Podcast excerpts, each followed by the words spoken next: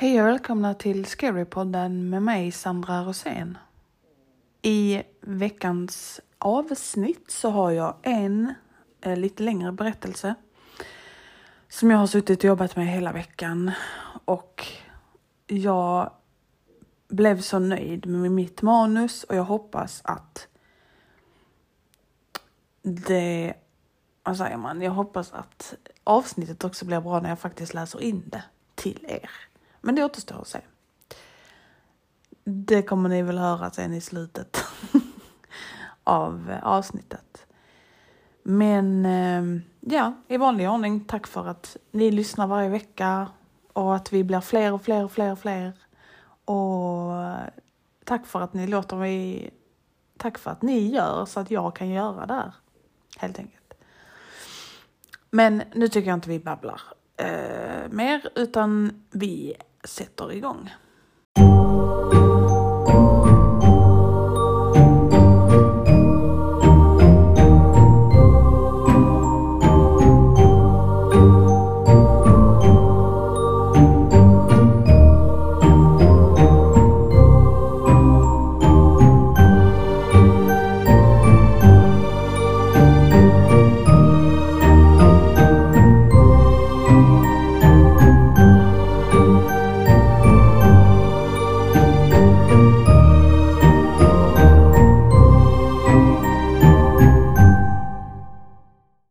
Min dotter Lilly började prata om sin nya bästa vän, Klara, för några månader sedan. Hon har varit så ensam sedan vi flyttade. När min man och jag insåg att Klara var en låtsaskompis trodde vi att det var en hanteringsmekanism. Lilly hon är också fem år, så vi var inte så oroliga. Faktum är att innan Klara dök upp var Lilly övertygad om att det fanns ett monster under hennes säng. Hon nämnde aldrig ett monster i vårt gamla hus, så vi tänkte att det kan ha varit relaterat till flytten.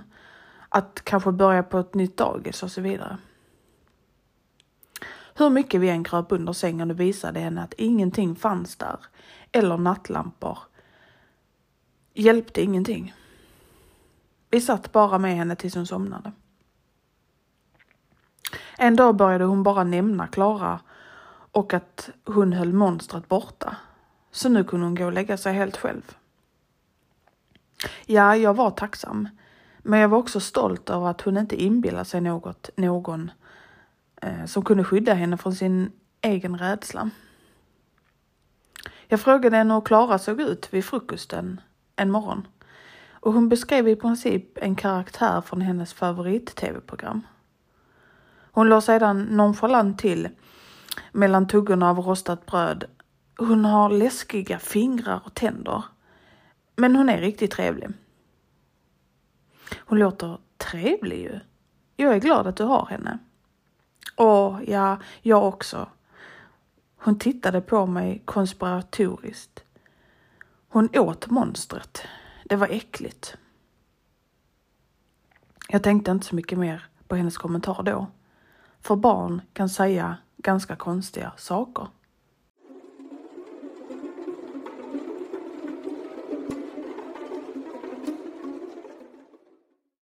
Inte långt efter att hon började prata om Klara så försvann våran katt. Han var frisk, glad och hade aldrig sprungit iväg förut. Både min man och jag fick en dålig känsla, men vi fortsatte att leta efter honom. Vi var inte ens säkra på hur han hade kommit ut ur huset. Lilly hon blev tystare och mer tillbakadragen efter det. Vi trodde att hon saknade katten. Plus alla andra förändringar i hennes liv nyligen. Jag hörde henne skrika i sitt rum en gång, men när jag sprang in för att kolla till henne var det ingen annan där inne. Hon frågade om hon kunde äta i sitt rum med Klara hon började vilja äta de flesta av sina måltider och mellanmål på sitt rum själv. Jag kunde höra henne prata dämpat med Klara, antog jag. Hon frågade senare om jag kunde lägga till mer kött till varje måltid. Det var okej till en början, Jag tänkte att det kan ha varit hennes sätt att hantera det faktum att våra sökningar efter katten inte gick bra tillsammans med ett nytt hem och dagis och så. Men sedan blev det varenda måltid. Varje tallrik kom tillbaka tom, men när skolan slutade och hon inte längre tog med sig lunch och mellanmål till skolan började Lilly se märkbart smalare och mer orolig ut. Vi började allvarligt oroa oss för vår dotters mentala hälsa och hennes matvanor. Vi ville ha koll på henne, se till så att hon faktiskt åt. Jag var också orolig för att om hon äter och fortfarande går ner i vikt så kan hon vara sjuk.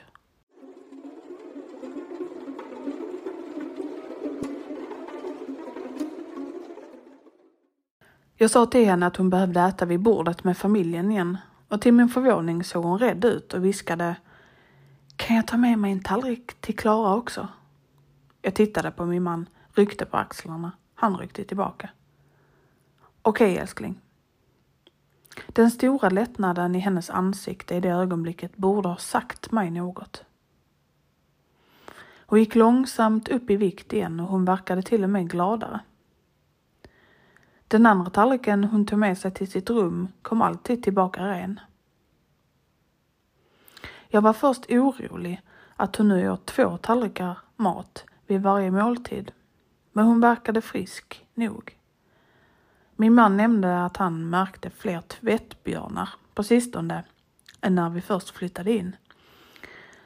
Vi undrade om Lilly kanske smög ut den extra maten själv vi hoppades såklart inte på det eftersom vi bodde i ett skogsområde. Eller om hon kanske dumpade det från sitt sovrumsfönster, vilket kan förklara det ökade antalet tvättbjörnar. För inte så länge sedan bestämde jag och min man att han skulle besöka sin mamma och bror i två veckor och ta med Lilly så att hon kunde besöka familjen och vänner. Eftersom han är lärare och de båda är lediga över sommaren. Jag hade några större arbetsprojekt på gång så jag tänkte att jag skulle stanna och få lite tid till det.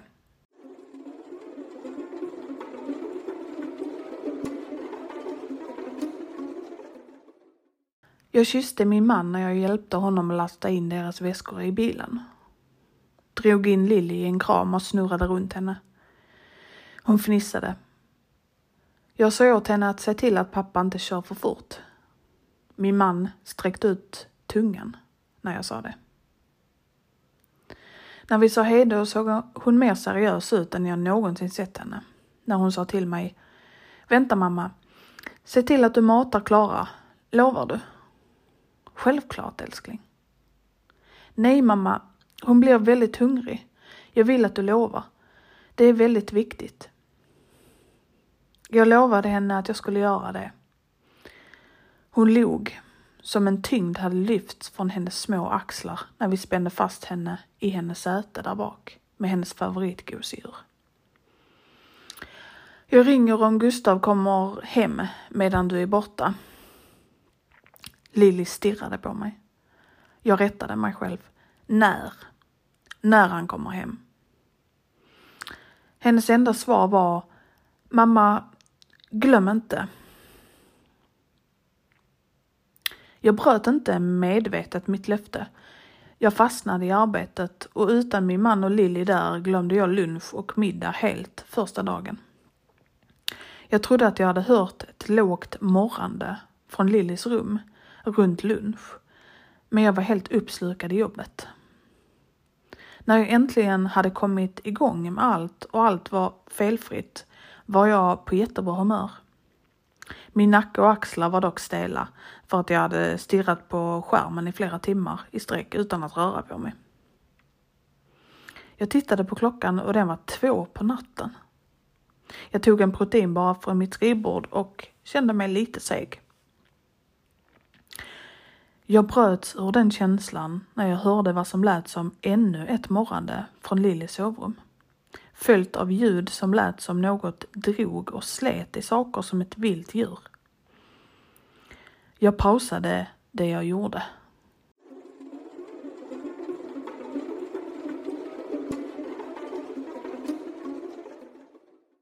Hallå?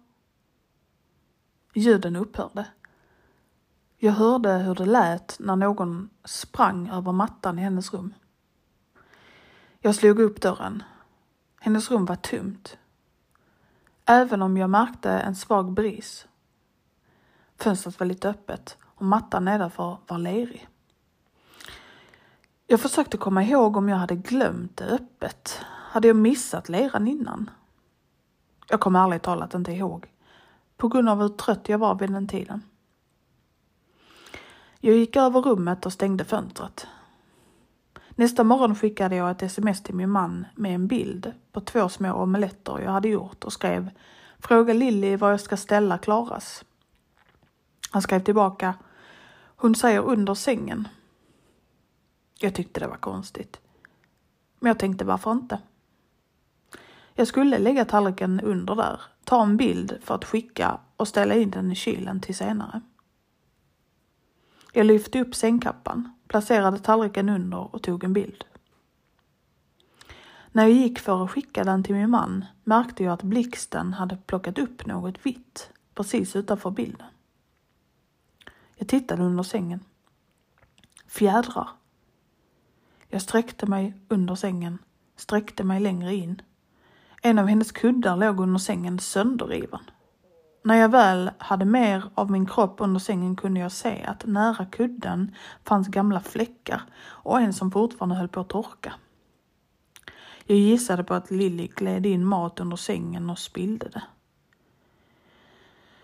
Jag klippte i alla fall bort fläckarna och kuddresterna ur bilden och skickade den. Jag lade till ett meddelande till min man och frågade Hej, kommer tvättbjörnar någonsin inomhus? Som genom ett öppet fönster?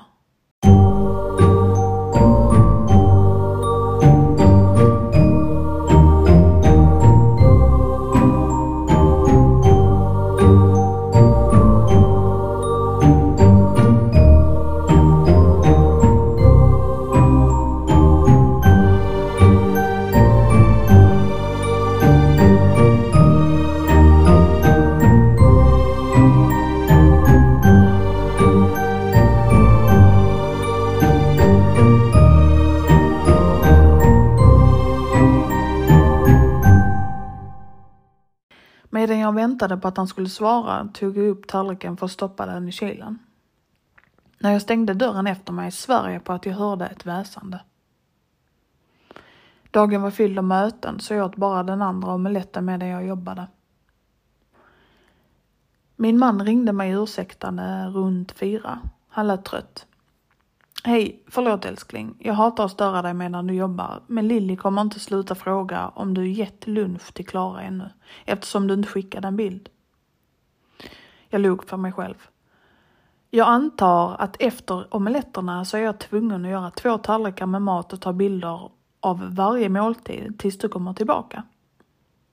Han skrattade. Förlåt älskling. Jag pratade med Lilly. Berättade för henne att jag saknade henne och älskade henne ljög och sa att jag matade Klara eftersom hon verkade så orolig. Jag sa att jag bara glömde ta bilder. Älskling, kan du ge pappa telefonen igen? Han tog tillbaka telefonen från henne. Vi pratade lite om hans familj, det gamla kvarteret där vi bodde förut och sedan frågade han Va, vad var det du skrev om tvättbjörnarna innan? Kom någon in? Jag sa till honom att jag inte var säker och försökte förklara över ljudet av skratt och barn som pratade högt på hans sida. Han tänkte en stund. Ja, de kan komma in om några fönster är öppna bara några centimeter. Men om du ser en, var snäll och inte närma dig den. Ring djurkontroll istället. Jag kände en oförklarlig våg av lättnad skölja över mig. Uppenbarligen var det tvättbjörnarna. Det var vettigt och logiskt. Jag gillade när saker var logiska. Uppenbarligen var Klara inte verklig. Det var bara absurt. Vi sa hej då.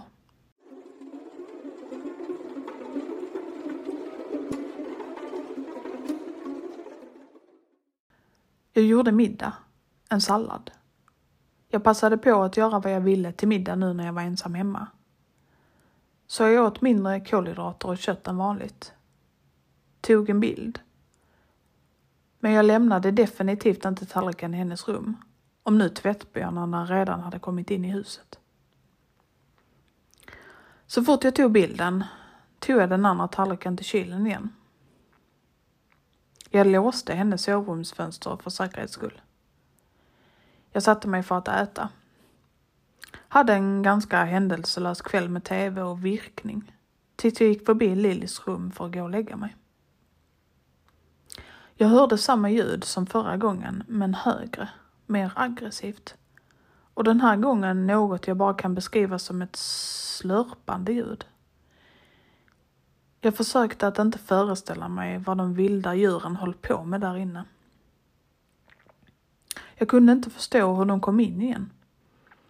De kanske aldrig lämnade kvällen innan och jag låste in dem av misstag. Jag kände mig hemsk. Men jag tog min mans råd att inte närma mig dem, utan jag lämnade dörren stängd. På morgonen var det tyst, så jag öppnade försiktigt dörren med en skål med havregrynsgröt i min hand. Förberedd för att slutföra bildritualen. Jag flämtade. Hennes rum var i en enda röra. Jag hade förväntat mig en röra baserat på ljuden, men inte i den här utsträckningen. Fönstret var fortfarande stängt. Hennes gosedjur var överallt på golvet. Några var helt sönderslitna. Det fanns djupa märken i delar av mattan och blodiga dragmärken som ledde till under hennes säng. Fanns det flera av dem? Hade de slagits där under? Jag tog några djupa andetag, lyfte försiktigt upp det som fanns kvar av sängkappan och önskade omedelbart att jag inte hade gjort det.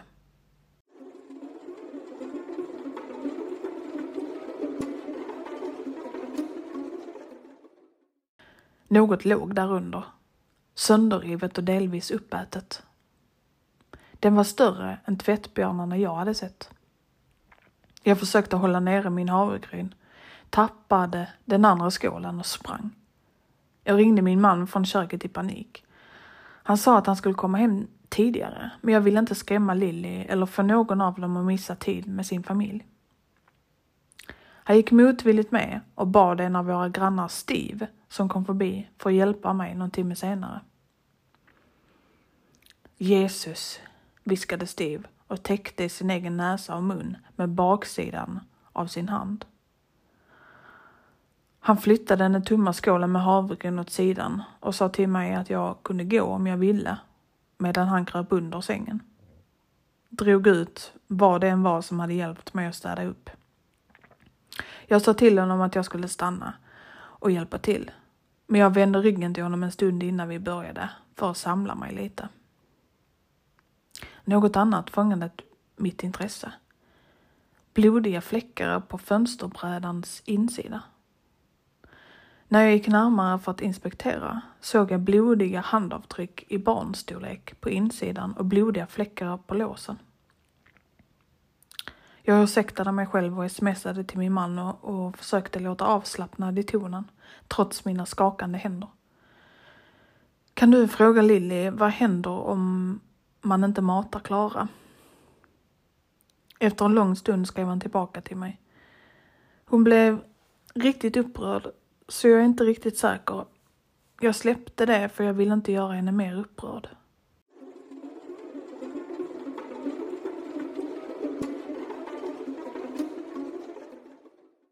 Steve och jag blev klara med allt. Sedan kom han och hans fru och hjälpte mig ta ut mattan ur Lillys rum. Som tur var så var det parkettgolv och inte heltäckningsmatta under. För att vi kunde inte få bort fläckarna som hade blött igenom. Jag har försökt att byta ut hennes lakan och leksaker. Under tiden har jag sett till att jag matar Klara. Men jag tror att något har förändrats sedan jag glömde. För även om jag har gett henne tre hälsosamma måltider om dagen i en vecka och hon har ätit dem, hör jag hela tiden ljud och ibland hittar jag mer stök i Lillys rum.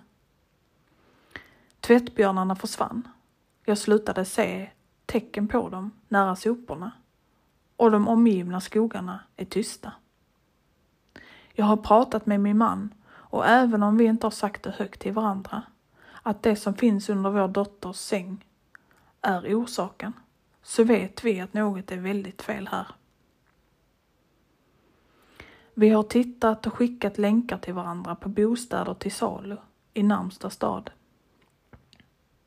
Steve har hjälpt mig att städa upp, men jag är inte säker på att han trodde på mig när jag försökte förklara om Klara och han tror förmodligen att jag är galen.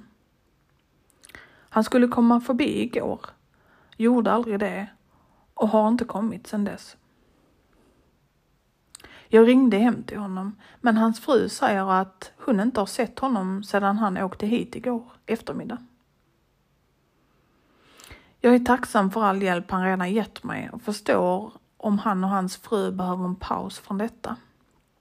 Jag önskar bara att de kunde berätta för mig istället för att undvika mig. Jag behöver råd. Vad mer kan jag göra?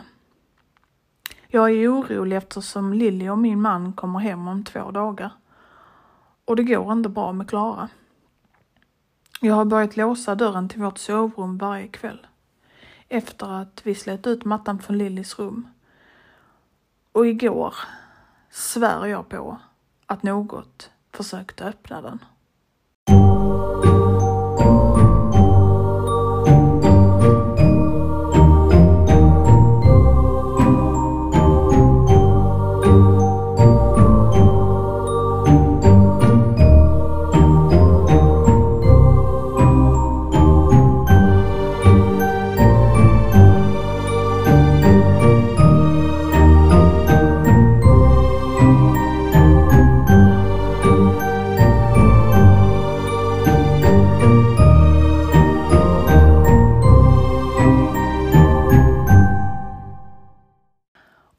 Det berättelsen för denna veckan. Vad tyckte vi? Jag tyckte att den var otroligt obehaglig och jätteläskig och eh, allt vad det är, för den handlar om barn, vilket är obehagligt. och sen, ja, låtsaskompisar, obehagligt. Um, och jag tyckte att denna historien, oftast när de är längre och när jag läser igenom det innan jag skriver manus, så märker man om den här är läskig bara för att den ska vara läskig eller om den är om den är uppbyggande så att den bygger upp till spännande grejer. För det finns ju de som är behöv, långa berättelser behöver ju heller inte vara um, läskigare än, än korta berättelser men oftast så handlar det ju om uppbyggnaden till att det kommer hända läskiga saker. Och jag kände att den här förtjänade ett helt eget avsnitt. Därför blev det bara en denna veckan. Men jag hoppas att, jag brukar ju switcha upp det lite. Ibland kör jag en längre, ibland kör jag två lite längre, ibland kör jag tre och du vet. För jag vill att det ska finnas någonting som passar alla. Och eh, ni verkar gilla det så att ja, vi blir fler och fler för varje vecka och jag älskar att hålla på med det här och jag är så himla himla glad. Uh, ja, jag vet att jag säger det i varje avsnitt men jag kan liksom inte stress it enough. Jag är så glad för alla er som lyssnar. Jag är så tacksam att ni, att ni är ändå anledningen till varför jag gör det här. Det är anledningen till att jag kan göra det här. Och känner ni någon som vet att oh, den här personen gillar läskiga saker. Skicka dem hit så vi blir fler. Det hade varit jättekul. Och sen har jag ju också en Instagram där jag heter Scarypodden där ni kan följa med. Och sen har jag en Facebook-sida också där jag heter Scarypodden. Ni kan gå in och gilla den. Har ni varit med om någonting läskigt själv? Om ni vill vara med i ett kommande avsnitt då kan ni skicka det till scarypodden hotmail.com. Vilket också står i beskrivningen av varje avsnitt. Ehm, och har ni skrivit en skräcknovell, en skräckberättelse eller någonting själva, en fiktiv, så kan ni skicka det också. Det är alltid kul. Och eh, ja, men om inget annat händer så ses vi nästa vecka igen. Och tack för att just du lyssnade.